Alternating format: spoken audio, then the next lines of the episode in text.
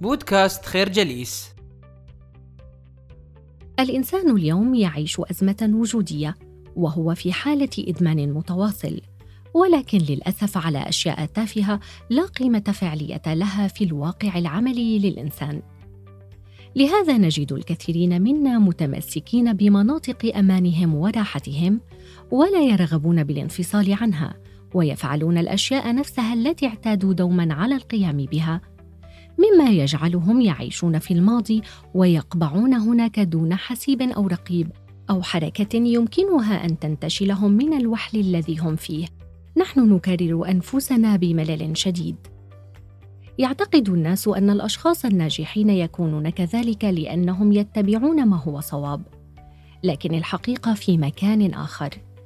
إنهم يمتلكون أشياء لا يمتلكها غيرهم. أي أن صعودهم إلى القمة كما يبدو للبعض لم يكن بسبب معرفتهم المطلقة بصوابية اختياراتهم. لقد كانت لأكثرهم شكوكا كثيرة في كل يوم بل كانوا يعيشون الحيرة بكل تجلياتها في كل اختيار يقومون به أو يرغبون بالقيام به. لم ينجحوا لأنهم كانوا موقنين بنجاحهم بل لأنهم لم يسمحوا لعدم اليقين أن يوقفهم.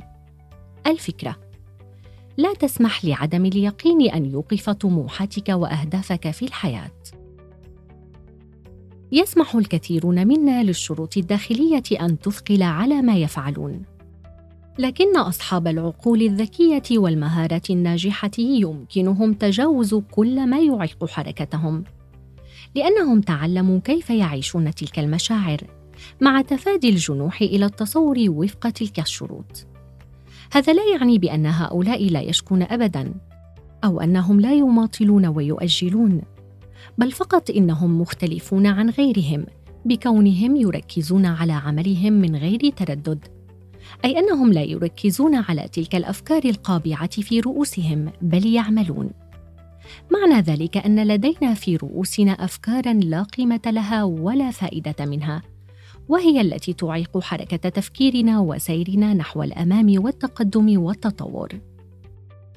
وإذا أراد الإنسان أن يخلع هذا الكابوس الجاثم على عقولنا فلا بد له من أن يغير تعامله مع الحياة ونظرته إليها.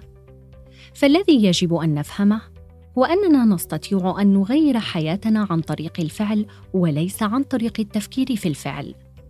والحقيقة التي يجب ألا نغفلها هي أنه عندما نصير على صلة وثيقة بالأفعال التي نقوم بها فإن شيئا سحريا يبدأ بالتجلي أمام أعيننا. الفكرة الإقدام على الفعل هو ما يجعلك تفعل ما تريد فعله. كلما هم الإنسان بفعل شيء ما أو الإقدام عليه إلا وبدأ أنه يسبح ضد تيار جارف لا يتوقف. وكثيرا ما تحاول آراء الناس أن تحيد بك عن طريق الحق والصواب والنجاح. سيقولون لك أنك غير قادر على فعل شيء وأنك ترتكب اغلاطا وأن الأمر مستحيل وأنك فاشل بالفطرة.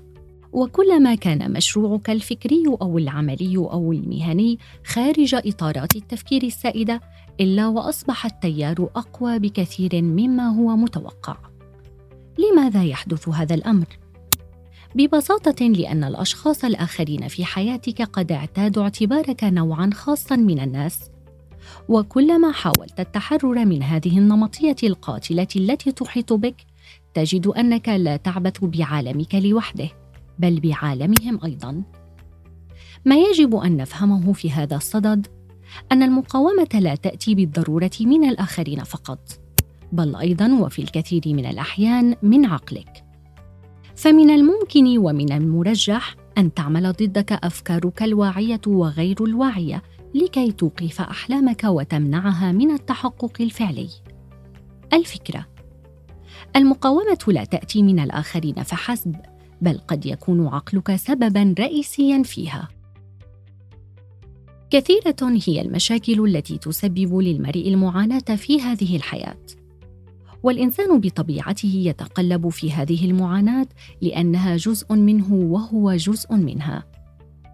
وحينما يتأمل الشخص هذه الحياة يجد أن جذر كل الاضطرابات التي يعاني منها الإنسان هو التوقعات غير الملباه أي أن المشكلة الحقيقية لكل الأزمات النفسية والاجتماعية والسلوكية هي في التوقع نفسه.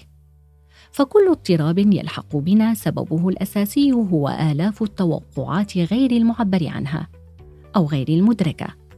فيكون نتيجة ذلك الضغط والتوتر الذي يعيش فيه الإنسان حينما لا تستجيب الأشياء لكل توقعاته.